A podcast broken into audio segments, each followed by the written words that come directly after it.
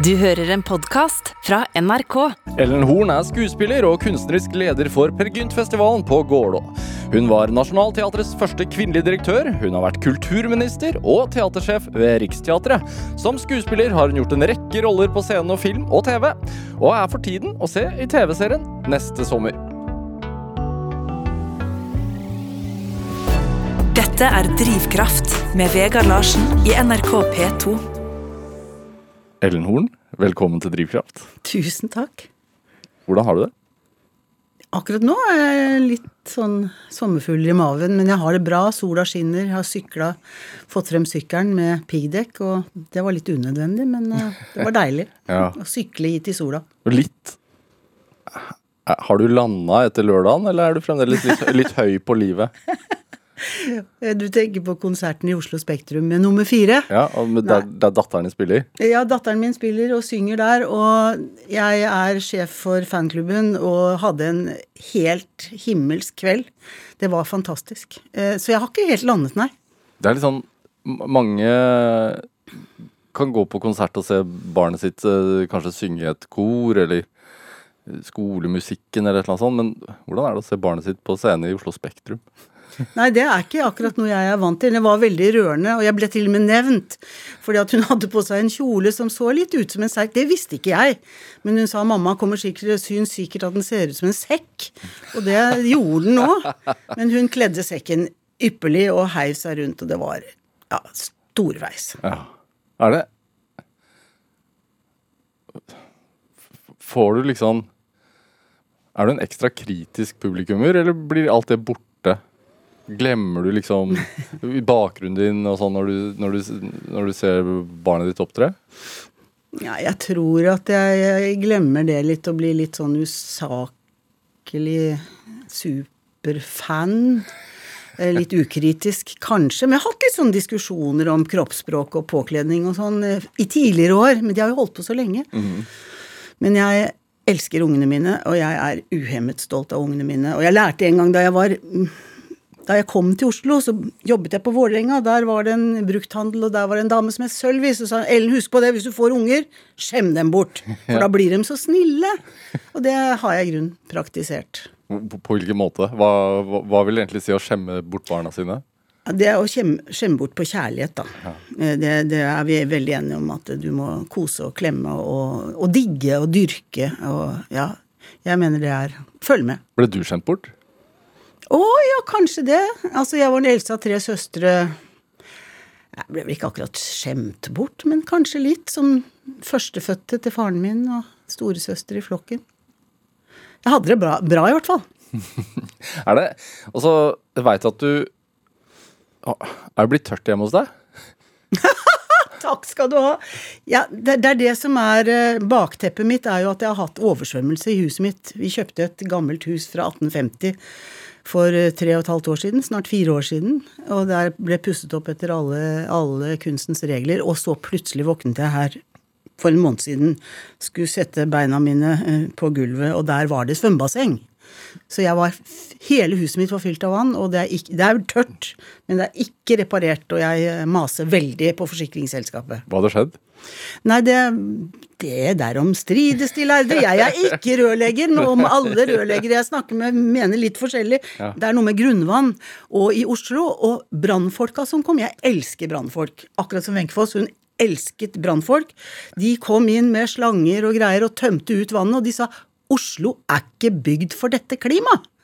For det var en dag det pøsregnet, og all snøen smelta på en gang samtidig, så det var noe med at overvannet kom opp gjennom noen De finner alltid veien. Vannet finner veien, vet du, sa de til meg. Ja. Ja. Ja, så det, er, det var en såpass oversvømmelse at brannvesenet måtte komme? Ja, ja, det var meget dramatisk. Og Ja. barnebarna som jeg bor sammen med, de sto med svære øyne og så brannbilen ankomme, og det var helt, helt, helt mareritt. Ja. Du bor i generasjonsbolig, hvordan er det? Jeg er så takknemlig for det. Jeg, jeg og Jon, da, mannen min, vi bestemte oss for å, å flytte sammen med Emilie og André og tre barnebarn. Og det er jo en sånn gave. Det er jo en sånn gave. Vi har veldig strenge regler, så vi plager ikke hverandre for mye, men vi har en nydelig hage sammen. Et digert epletre. Kanskje Norges største og eldste epletre. Med gravenstein. Så vi får mye, mye glede av å bo sånn. Er det beskjært?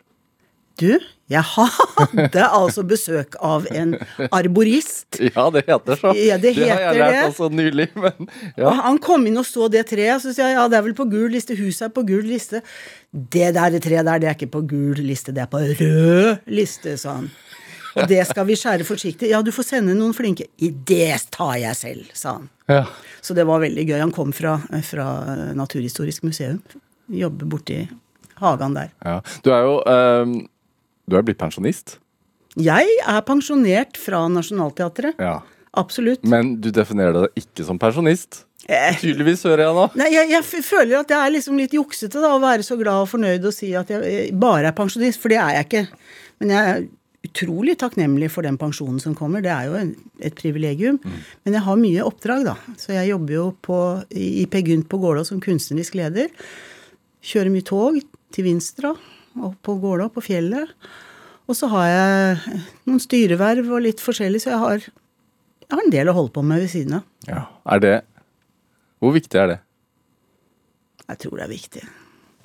Jeg tror eh, det å holde koken og aktiviteten oppe, det er eh, livgivende og, og, og nødvendig. I hvert fall for meg. Men jeg har jo veldig mye energi.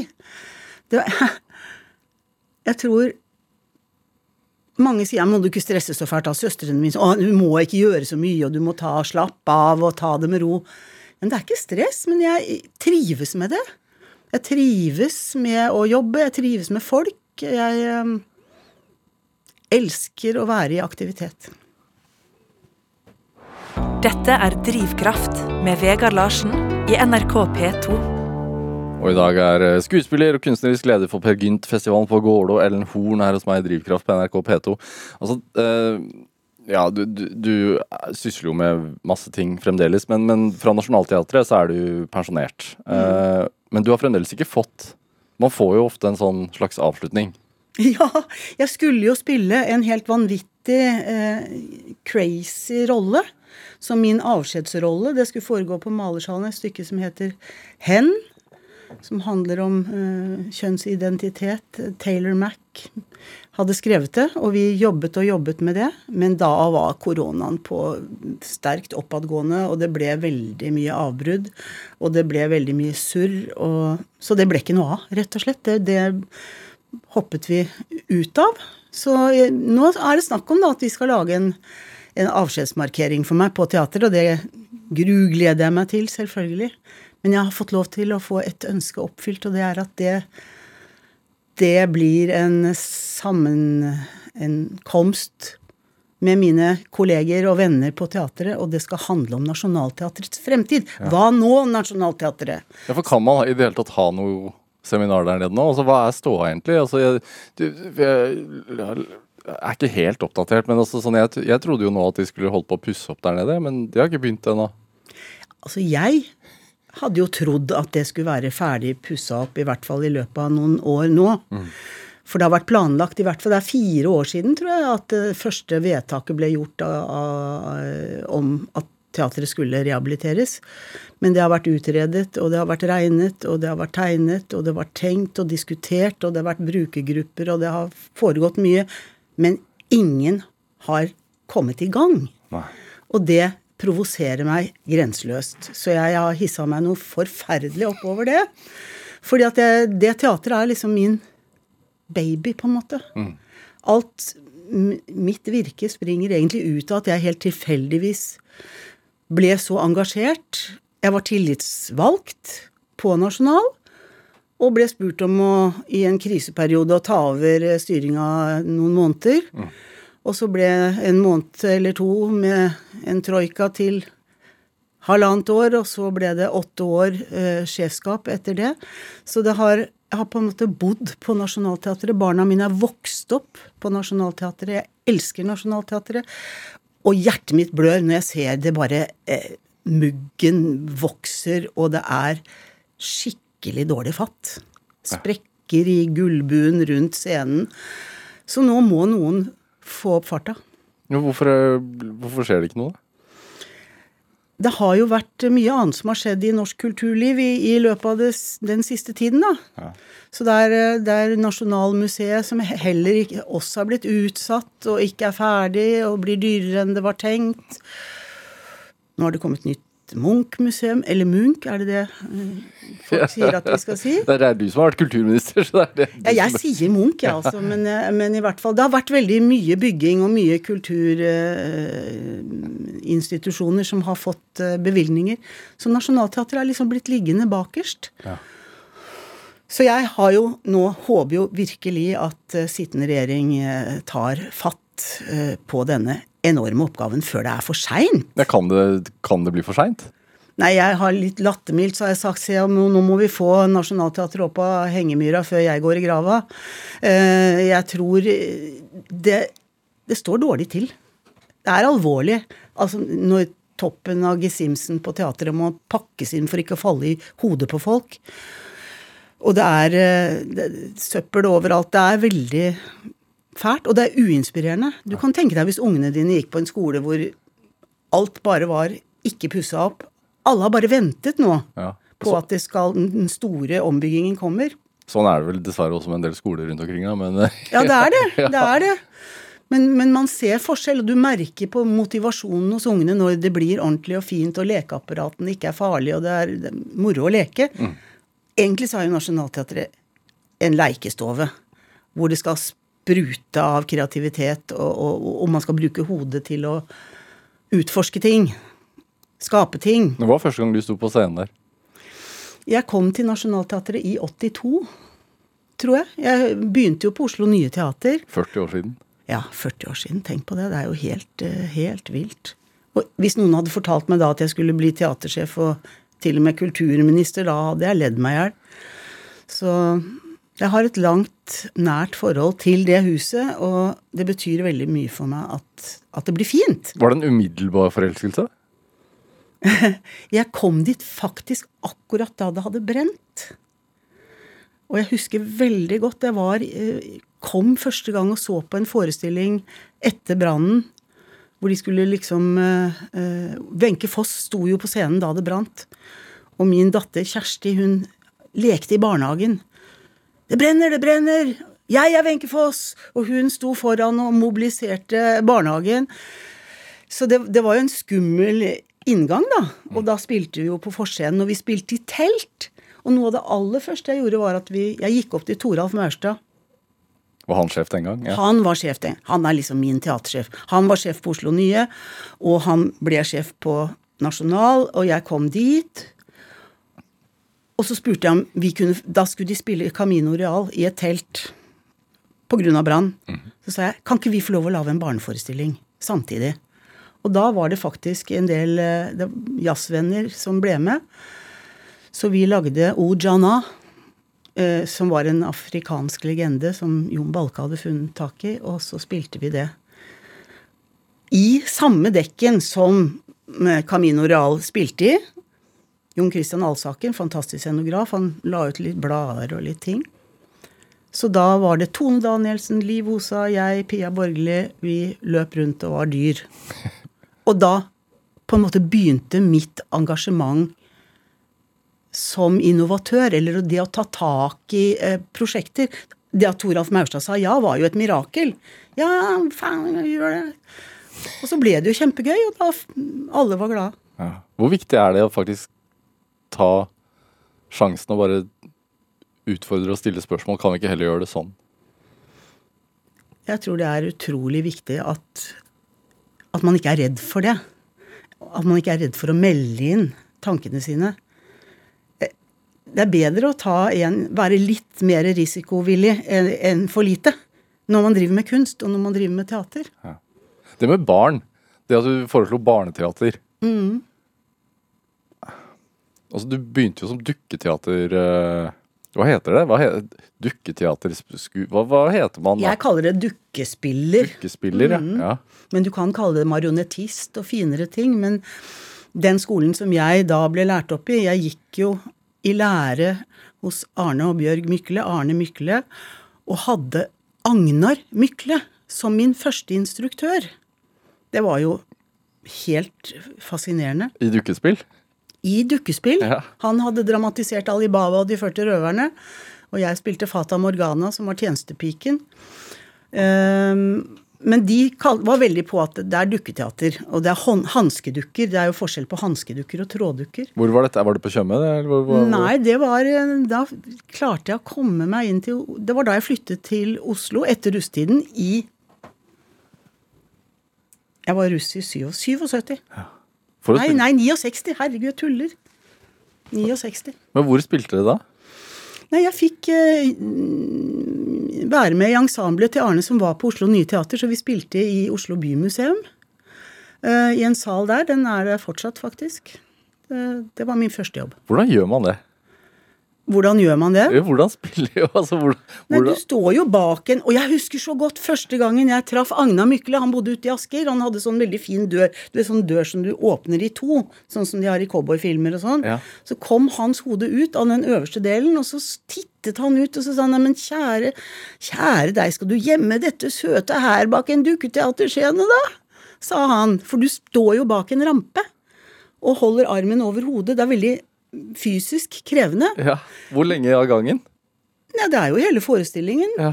Og vi skulle jo spille eh, De 40 røverne, så vi løp som sånne eh, Tordenskiold-soldater ut og inn og løftet armen hver gang. Det er ganske tungt. Det Men veldig gøy. Ja. Hva er hemmeligheten da for å fenge publikum, eller barna da, som ser på? Jeg tror hemmeligheten er det som er hemmeligheten også i skuespilleryrket i det hele tatt. Timing. Det å ta riktige pauser. Det å time replikkene godt. Og med dukker så handler det veldig mye om blikket på dukken. Altså at du retter For at det skal se ut som den lever, så må blikket se. Så ja. Blikkretning, fysikken, humoren, timingen. Hvor i all verden kom ønsket om å drive med det? Du, vet du hva det kom fra? At jeg så et TV-program med Arne Mykle. Jeg gikk jo på dramalinje i Tønsberg. En av de første, faktisk, i landet. Men jeg hadde ikke mot til å søke på teaterskolen. Men eh, jeg så det programmet, og så tenkte jeg mm, Jeg hadde egentlig tenkt å søke på lærerskolen. Og skulle jobbe med barn. Har alltid egentlig tiltalt meg. Hvorfor det? Nei, jeg er veldig opptatt av barn. Jeg syns barn er fantastiske vesener som det er eh, veldig Du får alltid et ærlig svar. Du får alltid eh, å, å se potensialet i et barn er gøy. Ja. Um, ja. Rørende. Jeg tenker på alle de barna som har vært i nærheten av meg opp gjennom årene, så blir jeg veldig rørt, faktisk. Et av dem sto jo på scenen i Spektrum. Jeg gråt så mange ganger at jeg. Hvor var vi? Nei, jeg har Hva, hva ser du da, når du blir rørt? Hva er det du som Jeg vet ikke om jeg ser, men jeg kjenner så veldig inni meg. Eh, Det kommer som en sånn slags eh, bølge inni en. Det blir så mange minner, da. Som setter i gang eh, Vi sier jo ofte at vi, håret reiser seg på ryggen eller armene, så Men det er, gjør jo det. På ekte. Men det å spille teater for barn har alltid gledet meg, fordi de er så innmari ærlige. De, de går jo hvis ikke de liker det de ser. De kaster stein og sukkertøy på deg hvis de ikke liker det. Ja. Sånn er det ikke alltid på teater. Det er mye høflig gjesping. Dette er Drivkraft med Vegard Larsen i NRK P2. Og i dag er skuespiller og kunstnerisk leder for Per Gynt-festivalen på Gålå, Ellen Horn, her hos meg i Drivkraft på NRK P2. Kunstnerisk gjesping, ja, hva er det altså det, Høflig gjesping, sa jeg. Ja. Var det, det er noen Ja, møllkulene lå tett i, i garderoben på Nationaltheatret på 70-tallet, var det ikke noe sånn? Nei. Var det, men er det Det å ta steget da fra eh, dukketeater til å bli skuespiller, stå på scenen til å Var det frivillig eller ufrivillig at du ble sjef også, eller bare skjedde det? Jeg tror det bare skjedde. Jeg eh, var som sagt eh, tillitsvalgt på Nasjonal. Og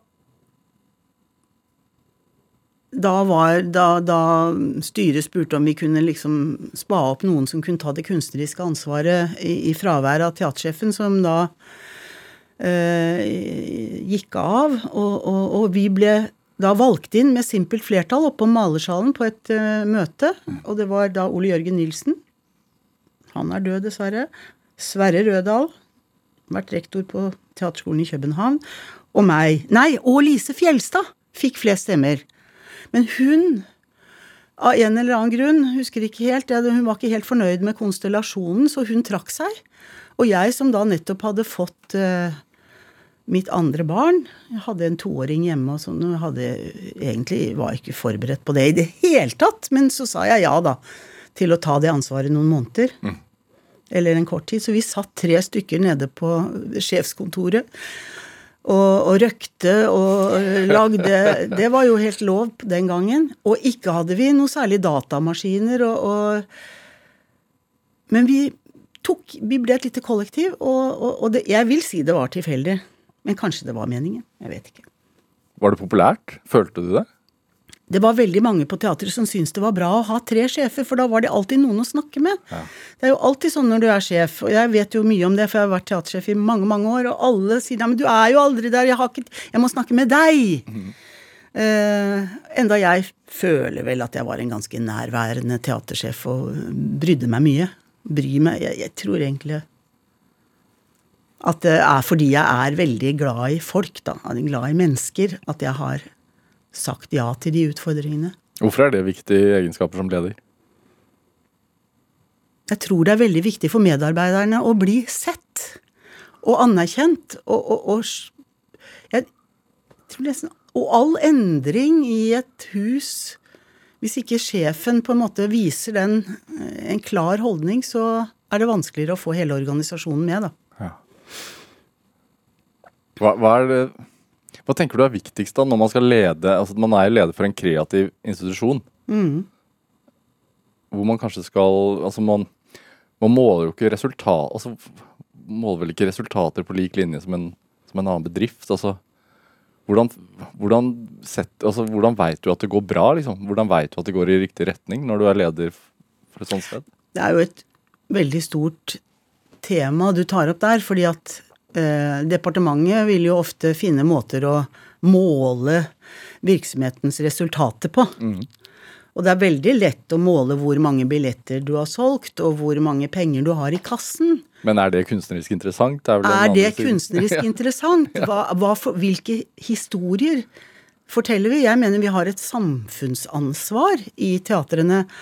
Og det handler ikke bare om å tjene penger og selge billetter, det handler om å, å sette en agenda, ha noe på hjertet å melde i vår egen tid. Og, og, det er ikke så lett å måle. Du kan måle anmeldelser, terningkast. Det er jo også et mareritt eh, av et måleverksted, nei, måleverktøy. Så egentlig så mener jeg at du må bruke din egen eh, evne til å se resultater og se på tilbakemeldingene fra publikum. Mm. Men også fra ansatte. Vil folk jobbe der? Får du tak i de beste kreftene? Regissørene? Skuespillerne? Er det meningsfylt for dem? Mange blir slitne også, ikke sant? hvis ikke du får motivasjon og, og, og bare jobbe, jobbe, jobbe for å tjene penger, penger, penger i kassen på teatret. Hva var din motivasjon, da? Med små barn hjemme og en, en helt ny rolle? Eh, ja. Min motivasjon var veldig at jeg skulle bli den første kvinnen som fikk den jobben på Nationaltheatret. Det var faktisk det. Da jeg plutselig skjønte at søren meg På, det, på Nationaltheatret har det jo vært så mange sterke kvinner. Lise Fjelstad, som jeg nevnte i stad. Det hadde jo vært opplagt at hun skulle hatt den jobben. Mm. Hun er, er liksom en av de i den rekken av sterke, flotte kvinner som har vært Helt fra Gerda Ring tilbake for lenge, lenge siden, og Wettergren og hva de Johanne Dybwad og alle sammen. De har vært egentlig sånne autoriteter, men de har ikke vært sjefer. Så det var en motivasjon for meg. Og da jeg skjønte tenkte jeg det skal jeg klare. Og så fikk jeg en veldig sånn tro på Ja, men alle vil jo hjelpe meg! Det var jo ingen som trodde at jeg skulle klare det. Men jeg har vært veldig flink til å spørre folk om å hjelpe meg. Men hvorfor var det så viktig for deg? At det var, en, altså, var det viktig for deg at det var en kvinne, eller var det viktig for deg at det var deg? Jo, det var jo vel sikkert eh, veldig tøft at det var meg som var den dama som tok den plassen. Det Såpass ærlig må jeg vel være. Men det var jo andre Fordi at jeg hadde jobbet i Troika med to flotte eh, mannlige eh, kolleger, og de pekte på meg, så følte jeg jo at det var noen som trodde på det. Trodde på meg. Og da måtte jo jeg òg ta sjansen. Når du ser på det sånn i ettertid, hvor, hvor viktig var det? Altså, Hvilken påvirkning hadde det for videre valg, tror du? At det var en kvinne? Og for de som jobbet der, ikke minst. Jeg tror at eh, det var eh, ganske et viktig valg, og viktig for Det er jo mange som, som sa at det er veldig vanskelig å bli sjef blant sine egne. Mm. Uh, og det var jo mange som ble tatt på senga og ikke skjønte noen ting. De, du hadde jo akkurat stått på scenen med de, altså. ja, ja, det går jo veldig mange morsomme historier. Jeg hadde jo spilt bestemor Skognes, eh, skogmus, så jeg satt på styremøte med sånne musetenner og sånne svære ører. Det var litt vanskelig å bli tatt helt på alvor. Men øh, jeg følte at jeg fikk folk med meg, for jeg hadde vært tillitsvalgt. Jeg var en av dem. Og jeg har alltid sagt at mine beste egenskaper sitter i ørene. Jeg vil påstå at jeg er ganske god til å lytte. Og folk øh, Selv til det som ikke blir sagt, holdt jeg på å si. Ja, absolutt. Jeg har sterk intuisjon. Eh, ganske bra til å lese situasjoner sånn, også det usagte, ja. Hva er du mest stolt fra fra tiden der? Og det er så mange ting, men jeg, siden vi da har snakket om bygget, så vil jeg si da de spurte meg om å gjøre dette, så var Torshov-teatret faktisk nedlagt. Hengelåsen hang på døra, og jeg sa til styret jeg tar ikke den jobben uten at jeg får lov å jobbe for å få det åpnet igjen. Så jeg føler liksom, men der har jeg en god aksje i at det faktisk lever fortsatt den dag i dag. Jeg fikk bygget om amfiscenen, jeg fikk feiret et svært 100-årsjubileum med et veldig variert repertoar. Og så fikk jeg jo faktisk tegnet et underjordisk bygg som skulle ligge foran teatret. Det som vi nå lengter etter å få, men som, vi, Som de kanskje ikke har penger til? Ja. som de sier at de absolutt ikke har penger til. De sier jo faktisk at de er nødt til å ta vekk amfiscenen i det byggeprosjektet uten å erstatte det under bakken. For meg er det helt katastrofalt. Hvorfor trenger man den? Man trenger å ha scener med forskjellige eh, rammer til å spille forskjellige typer forestillinger. Jeg vet at publikum elsker amfi. Folk elsker den nærheten. Det å kunne kjenne eh, pusten til de som står på scenen. Det å kunne eh, være så tett på betyr veldig mye for veldig mange. Og for oss å kunne spille noe som ikke skal ha 1000 mennesker, men som skal ha 200 mennesker, det, da tillates et helt annet eh, dristig repertoar, da. Og, og for oss skuespillere å kunne spille både i de små intime formatene og i det store hovedsceneformatet hvor det liksom bare Det er jo deilig, altså apropos Oslo Spektrum, da. Det er jo fantastisk å stå på den hovedscenen. Men det er eh, herlig å stå på den lille intimscenen og kunne vrenge sjela si eh, tett, tett i tett i nærkontakt med publikum. Ja, hva skjer med deg da? Hva er det beste med å stå på en scene?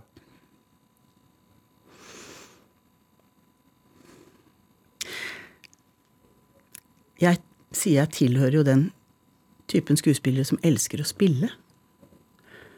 Noen syns det er gøyere med film, for da kan du bare ta et opptak én gang, og så eh, er det over.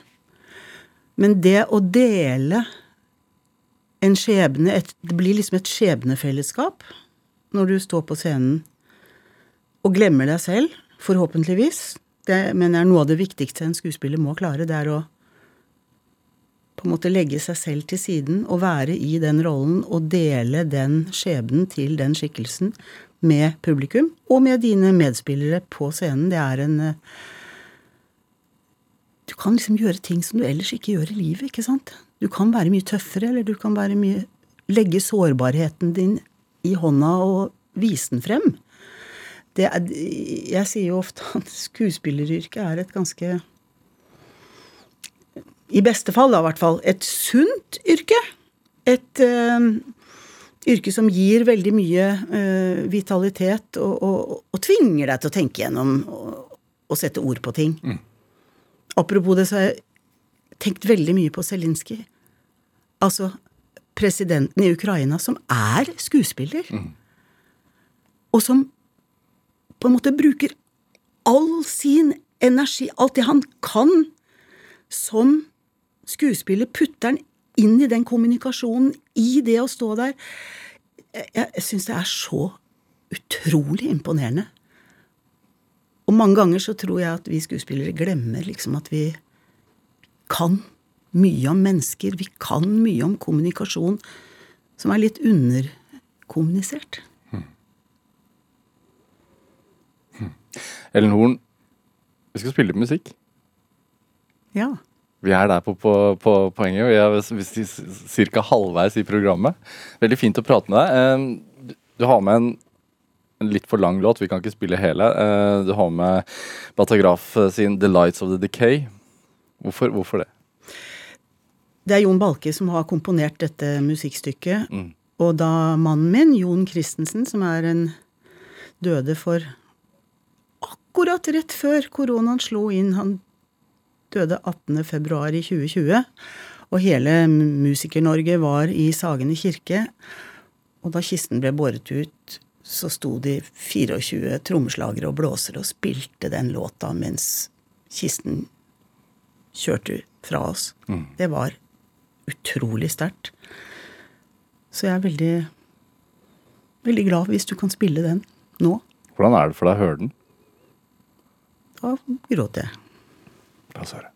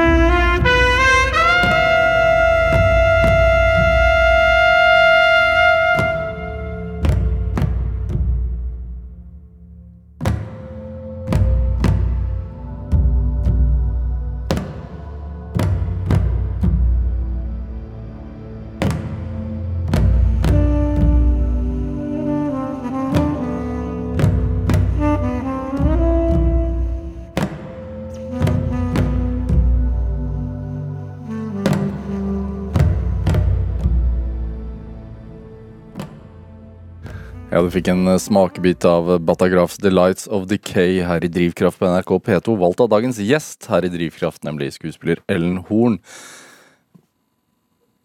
Hvor viktig er familie for deg? Veldig viktig. Kjempeviktig. Er det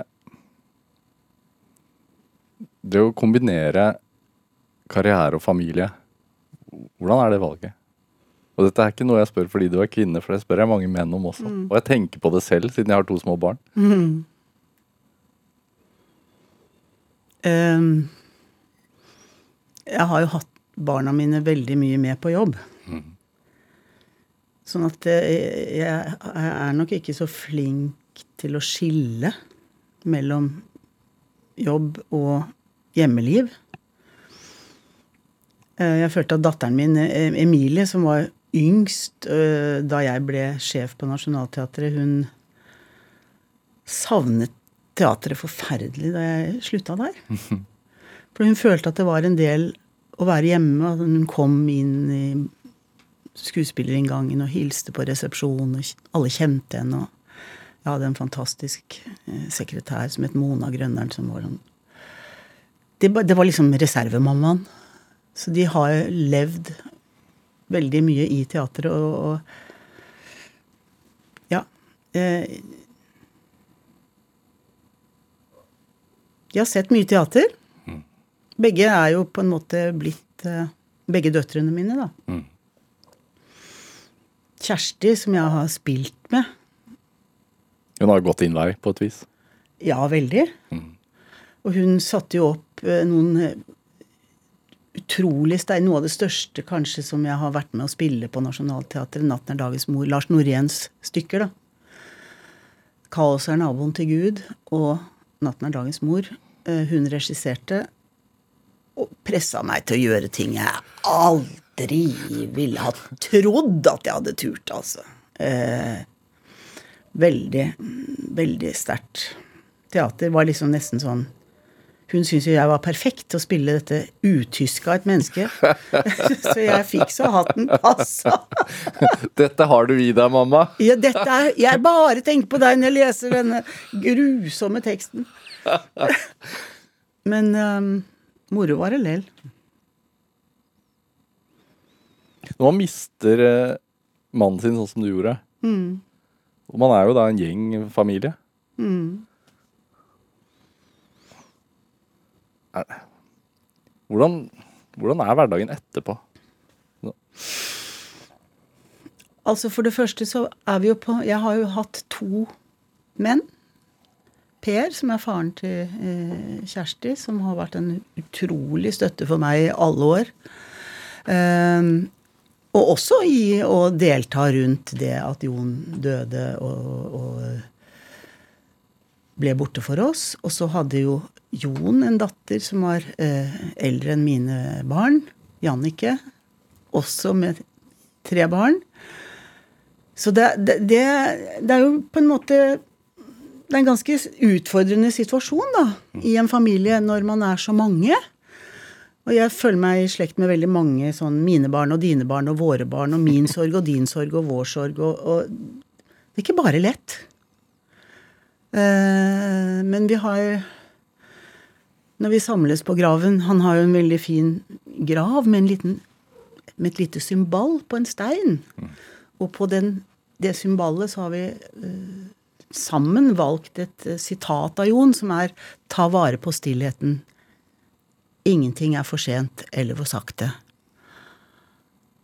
Og det er jo et litt pussig eh, sitat på en trommeslager, men, men, men det har liksom forent oss litt, da, å gå dit og være sammen, alle sammen. Er du flink til å kjenne på følelser? Jeg tror jeg er litt sånn overfølsom, kanskje. Eh, kanskje ikke så flink. Jeg kan lett bli såret og kan bli lett bli lei meg. Eh, jeg var en gang og ble spådd i hånden i London, på Covent Garden, og da var det en mann som skulle lese hånden min sånn Oh, I need to have double. Double paying. You're so extremely much feelings here. og da, da tenkte jeg ja, det er sant. Det er, nå har jeg fått det Ja. bekrefta. Var du sånn som barn også? Jeg tok lett til tårene. Tror det. Så var jeg, uttrykte meg veldig gjennom ballett. Da tenkte jeg skulle bli ballettdanser. Men det ble det ikke nå. Nei.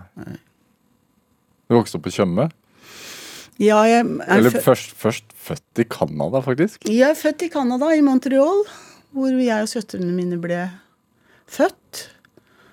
Bodde der til jeg var fem, og så flyttet vi til Tønsberg. Jeg bodde egentlig lengst i Tønsberg. Regner meg liksom som Tønsberg-jente, da. Og så på Tjøme, hvor vi hadde en restaurant. og Stor erfaring i serveringsbransjen. Det kommer godt med når du er både sjef og skuespiller og alt som er. Så det kan jeg. Ja. Var det på grunn av for, altså faren din sin jobb eller noe sånt i, Canada? Ja, faren min eh, jobbet i en luftfartsvirksomhet i FN-systemet, noe som heter ICAO. Han var jurist. Og mor var med og fødte barn og fødte oss, og så kom vi tilbake igjen. Og da ble faren min syk. Han hadde mye nerveproblemer og var på Modum. Det var ja, en ganske bråkete oppvekst, da. Mm, og min mor hun fikk også plutselig deisende en oppgave i fanget fordi far skulle eh, administrere et salg av en gammel butikk på Tjøme. Og så bestemte han seg for å bygge restaurant i den butikken. Men det var litt nervepirrende, så da måtte mor steppe inn og overtok driften og drev den restauranten som het Sjøhuset, som ble veldig populær. Ja. Og jeg og søstrene mine jobbet, og venninnene mine jobbet, og festet om kvelden og Også, badet. Hva ble servert der? Der ble det servert eh, fiskefat. Du kunne ha med deg medbrakt fisk hvis du hadde fisket sjøl. Biff med løk. Is med sjokoladesaus. Gode viner. Hvem var innom? Det var mye badegjester, da. Ja. Det var mye badegjester på, som kom på Sjøhuset. Det store høydepunktet hvert år var når Wenche Voss, Wenche Foss kom på besøk med på Fabians bursdag. Oh. Da sto vi på geledd i våre små øh, nydelige små uniformer. Det var sånne små matrosdresser som var på Sjøhuset. var varemerket med søte damer. Og Wenche var veldig populær gjest. var, Og Fabian kjempeflau. og hun tok rommet? Hun tok rommet. Å, Fabian, se på de nydelige damene. Men det, det var et kultivert hjem? Altså var det møblert med, med bøker i hyllene? Altså, det, Eh, hos oss ja, Søsteren din har jo gått, jobbet i P2 i mange år. Og, Anne-Lite har jobbet i P2, og Tina har jobbet i dukketeaterbransjen. Og vi kommer nok fra det du ville kalle et møblert hjem. Ja, et pent borgerlig hjem. ja. Ja. Med bøker og musikk og sånn. og uttrykksbehov. Det gikk en kule varmt, ja. det var et veldig livlig hjem. Mye diskusjoner og mye Ja. Krangling og mye kjærlighet. Hadde du bestemt deg for retningen som, som livet ditt og, og karrieren din tok den gang Wenche Foss var på besøk i restauranten? Nei, jeg tror ikke det. Men jeg drømte nok om det. De- Noen andre som bodde i nærheten, det var eh, Wenche Medbø og Katja Medbø hadde hytte rett ved oss. Og Wenche Medbø påstår da at jeg som liten jente hadde Jeg mista nemlig tommelen min på brygga ved den restauranten i en ulykke. En båtulykke, og det Wenche var også innom og jobbet i den restauranten, og hun sa, påstår da at hun har sagt du kan bli skuespiller allikevel, selv om du har mistet den tommeltotten. Ja. Så det Hva skjedde? Vi var ute på båttur med snekka vår, broren min og jeg, og så skulle jeg ta imot på brygga. Og så fikk ikke han båten i revers, og den hadde stort sig, og så sto Ellen, ni år, på, foran i baugen og skulle ta imot på brygga, og da smalt det. Så den eh, gikk nesten av. Og blødde og inn på sykehus og full fart. De klarte ikke å redde den. Nei. Den ble knust mellom bryggen og båten. Hvor mye påvirkning har en tommel? Det er ganske mye. Du er ganske stor prosent eh, handikappet på den hånden. Og egentlig så føler jeg noen ganger jo eldre jeg blir, eh, at jeg blir litt mer hjelpeløs av og til til enkelte ting. Kneppknapper, eksempel. På mm, Men eh, jeg tror nok det preget det var Jeg husker veldig godt, apropos følelser, da jeg skjønte at den aldri kom tilbake igjen. Hvor utrolig lei meg jeg ble. Altså, det var sånn tung, tung sorg. Tung smerte. Den var borte for alltid. Du dør jo da bitte lite grann. Jeg har alltid vært veldig redd for døden. Og tror før jeg mista det nå, men det, det, det er liksom noe fundamentalt. For alltid. Hvorfor er døden så skremmende? da? Jeg er så utrolig glad i å leve. Jeg er så nysgjerrig. Jeg vil følge med. Jeg er mest redd for liksom alt det som skal skje når jeg ikke er der. Eh, moren min påsto at hun trodde at den angsten kom fra sånn Snøhvit-syndrom. Det er noen sier det å ligge i glasskiste sånn for tilfelle du våkner. Og, og du ligger og ikke får puste nedi jorda. Det var, er noe jeg tror jeg var litt redd for. Men eh, jeg føler at jeg er kommet mye lengre jo eldre jeg blir, i å forsone meg med at jeg skal dø. Og det har vel noe med alderen å gjøre, sikkert, og at det er flere og flere som du mister. Jeg leste et fantastisk dikt av Jon F- Fosse her forleden dag. Han sa 'Gud er i mine døde venner'. Og så tenkte jeg Jeg har også litt sans for engler, da. Det at når noen er borte At rundt oss så er de der. Så lenge man blir husket på, i hvert fall. Og Jon, som jeg har mistet, som jeg følte veldig nærværet av i Spektrum den dagen da Emilie og de nummer fire spilte. For hun sa et eller annet i den konserten, sånn litt gøyalt Nei, jeg tror ikke han hadde giddet å komme uansett. Men hun har skrevet en låt til han. Så tenkte jeg yes, han er her. Han svever rundt oppunder lyskasteren her. Men man må jo bare forsone seg med det. Hvor vanskelig er det? Og opp og ned. Ja. Opp og ned. Akkurat når du skal legge deg og sånn, tenker jeg noen ganger. Våkner jeg? Og noen ganger så tenker jeg Det kan jo være litt deilig òg. ja, det tenker jeg av og til. Bare slappe helt av. Ikke ha noe å bekymre seg for. Jeg, det, er ikke, det er ikke så mye å mase med.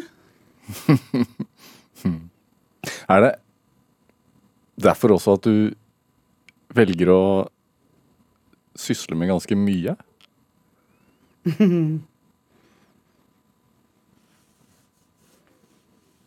Nja Å få gjort liksom mest mulig mens man er her, tenker Ja, du på? ja. ja, kanskje. Jeg har jo eh, et veldig spennende styreverv i Kulturhistorisk museum, som også har Vikingskipsmuseet på Bygdø. Vi holder på å bygge nytt, eller skal bygge nytt museum over vikingtiden. Og der sysler man jo veldig på å ta vare på minner fra fortiden. Og fra det livet som er her nå også. Og det er også en utrolig spennende oppgave, syns jeg. Er du streng? Du fremstår som veldig snill, men jeg tenker når du har, vært, har hatt diverse lederroller og også vært kulturminister, og nå ergrer deg noe fryktelig over situasjonen på Nationaltheatret og Altså, jeg tror jeg kan være veldig tydelig. ja, Er det et annet ord for streng? Jeg, jeg hadde en vel- samtale med Christian Seltun, som nå er teatersjef på Nasjonal. Og han eh, skal jo være med på å lage dette seminaret, da. Hva nå? Altså du, du er i hvert fall engasjert. ja. Og det, og det er jo bedre å være engasjert enn å bare sitte og lese fair, liksom. Det kan hende at det er liksom kampen med klokka. Men jeg syns det er så gøy å leve, og jeg syns det er så gøy å henge med. Så håper jeg jo at dette her blir ferdig mens jeg er her, da. For det vi skuespillerne har, Vi har liksom vært en gjeng som har snakka mye sammen i denne tiden. Og sier det, det er ikke bare her og nå og publikum her og nå, men det er i generasjoner fremover. Nationaltheatret eh, har jo vært i mange, mange, mange år og skal være i mange, mange flere år. Og skuespillere kommer etter oss. Og det skal være et sånt samlingssted for engasjement. Mm. Og det brenner jeg for. At det skal fortsette å være et flott sted å samles. Tenk på Nationaltheatret. Der det ligger mellom Stortinget der, Slottet der, Rådhuset der, universitetet der. Det er liksom Det ligger midt i hjertet av hovedstaden. Og har betydd utrolig mye for ytringsfrihet og for vår uh, identitet. Og det Og for hele landet. Men Sender du sånne e-poster til Trettebergstuen sånn Hilsen tidligere kulturminister eller noe? Er det? ja, jeg har jo mm, prøvd meg. og jeg syns vi har en veldig, veldig sterk og tydelig kulturminister, men jeg har stor respekt for at hun har voldsomt mye å holde på med mm. Hvordan var det? For, altså, du var jo kulturminister i et, i et år. 18 måneder. 18 måneder. Halvannet år. Unnskyld, unnskyld. Det er mange som har vært kortere enn meg, ja. og det er det ingen som tror meg på når jeg sier. Men er det Hvordan Den tiden, vil, er det en fotnote i biografien din, eller blir det Er det Nei, på ingen måte. Det var jo det å sitte rundt kongens bord Ja, tenk på nå når jeg ser Jens Stoltenberg Det var jo i hans første regjering. Mm. Det var jo utrolig eh, spennende og utfordrende og krevende. Da måtte jeg virkelig strekke meg. Men, men, det er jo opplagt det mest spennende jeg har vært med på. Jeg har snakket med noen unge folk her i, nylig. En av de tingene jeg er stolt, er mange ting jeg er stolt av, men Den kulturelle skolesekken har du hørt om. Mhm. Jeg fikk den gjennomført som et nasjonalt prosjekt. Det var satt i gang noen sånne tiltak i, i enkelte byer, bl.a. i Sandefjord. Um, men vi lagde en politikk for at hele landet skulle få tilbud om Den kulturelle skolesekken. Og det er mange kunstnere som har levd av i årevis. Altså Jeg snakket med Fredrik Høyer, som nå er en av mine favorittpoeter, som skal opp på Gålå og være med på Høyfjellskonserten der under eh, Per Gynt-festivalen i år. Og han sa han hadde aldri overlevd uten kulturelle skolesekken. Mm. Og det er jo nå over 20 år siden vi gjorde det. Uh, så det var uh, Og alle barna som fikk oppleve kultur? Alle barna som, opp, som, får oppleve profesjonell kultur og får tilbud om det. Så det er både unger som ikke kommer fra så uh, møblerte hjem, og alle Det er en veldig demokratisk og flott tiltak. Som lever fortsatt. Hvorfor er det så viktig at, at barna får oppleve kultur? Jeg tror eh, det tenner eh, Setter i gang prosess Altså, vi snakker jo så veldig mye om Det er veldig populært nå å snakke om innovasjon, og Norge må bli innovativt, og Norge må bli, ligge frampå. Det kreative potensialet som er i et barn, blir trigget av å lese en god barnebok, eller å se en god film, eller male. Altså se hvordan unger uttrykker seg gjennom tegning. Vi ser jo også nå hvordan de bearbeider følelsene i, i, forhold til krigen, i forhold til alt det som skjer rundt oss. Jeg bor jo sammen med barnebarna mine, som er veldig gode til å tegne, og veldig Altså, det Lille Jon hadde tegnet altså en tegning av Putin som ble liksom tatt av en elefant som var en, egentlig en sånn tanks og du ser det skjer så utrolig mye i, i, hodene på dem når de får lov til å uttrykke seg. Mm. Så jeg, jeg, jeg, tror det er faktisk kjempeviktig for utviklingen av Norge. Mm. Det går så fort. Tiden går så fort fra et lite barn er lite til det er stort. Mm. Og skal ut og leve livet sitt selv. Jo mer kultur du får innabords, jo bedre rustet er du til å klare deg, tror jeg, i livet. Og brått så er du pensjonist. Brått så er du pensjonist! Ellen Horn, hva, hva tenker du er, er din drivkraft? Jeg føler at jeg drives av kjærlighet til mennesker. Kjærligheten. Jeg føler at jeg er veldig glad i mennesker. Og elsker å bygge rede og ta vare på folk. Og det er det å lykkes med å skape kreative, gode fellesskap. Kjærlighet er drivkraften min. Det er ikke bare bare det, si. Nei. Ellen Horn, tusen takk for at du kom til Drivkraft. Takk for meg. Hør eh, flere episoder eh, av Drivkraft på nrk.no eller i appen NRK Radio. Send oss gjerne ris og ros og tips til mennesker som du mener har drivkraft. Send en e-posten til drivkraft.krøllalfa.nrk.no.